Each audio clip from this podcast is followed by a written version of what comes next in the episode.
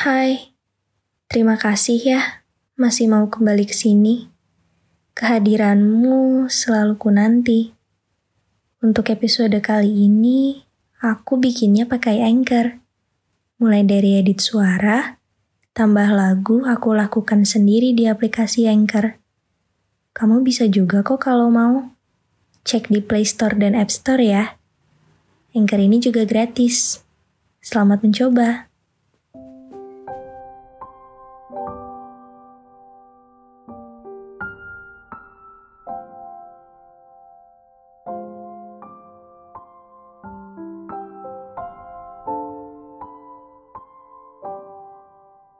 Saya melihat kembali kehidupan yang kita bagi bersama.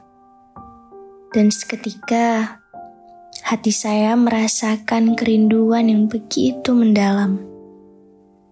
Saya ingat ketika saya mengatakan bahwa ingin kamu terus ada untuk saya. Karena saya tidak bisa membayangkan hidup setiap hari tanpa kamu. Saya ingat semua hari yang kita habiskan seolah-olah dunia adalah milik kita. Seolah-olah kita adalah satu-satunya dua orang di dunia. Kamu tidak tahu betapa saya mengingat setiap momen yang saya miliki bersamamu. Karena bagaimana saya bisa melupakan bagian dari hidup saya yang pernah menjadi istimewa.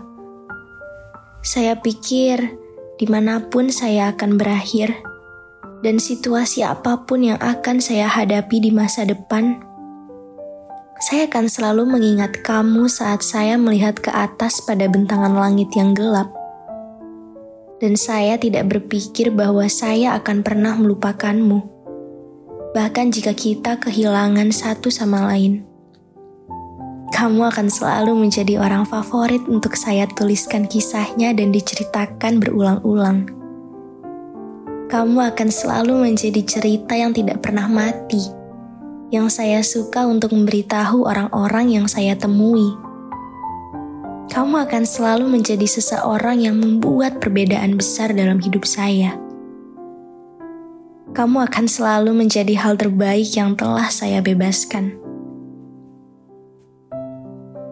Tapi untuk saat ini, secara bertahap, saya menerima bahwa mungkin kita tidak benar-benar ditakdirkan untuk satu sama lain. Mungkin alam semesta punya rencana yang lebih baik, rencana yang mungkin belum saya ketahui. Maaf, tapi bisakah aku minta waktumu sebentar? Aku mau mengabarkan bahwa podcast yang kamu dengar ini Aku buat di Anchor loh. Coba download Anchor deh. Bisa di-download dari App Store dan Play Store, atau bisa juga diakses dari website www.anchor.fm. Gratis loh. Mungkin seseorang sudah ditakdirkan untuk menjadi pasanganmu yang lebih baik. Dan meskipun memilukan mengetahui bahwa bukan saya yang akan kamu habiskan seumur hidupmu, saya masih mencoba yang terbaik untuk bahagia atas kamu, untuk kita berdua.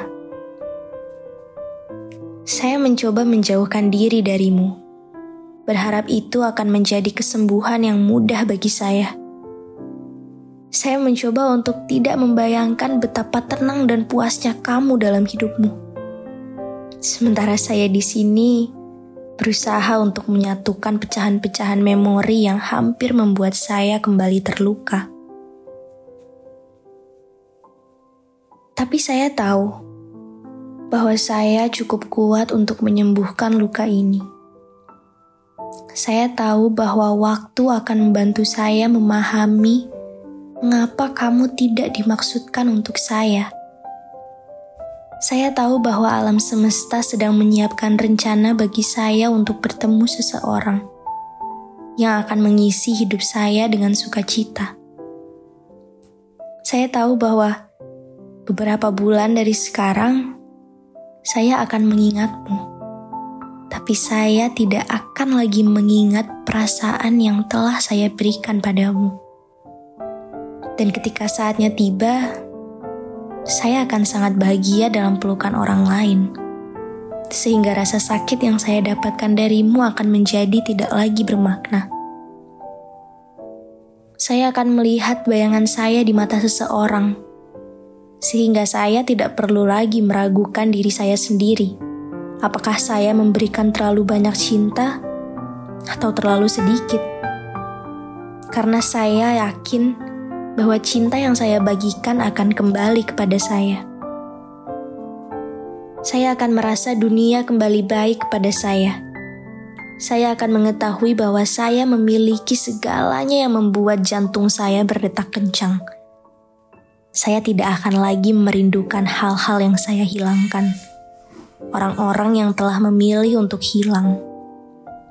Dan saya akan cukup dewasa untuk memahami sepenuhnya mengapa alam semesta tidak membuat kita untuk bersama selamanya.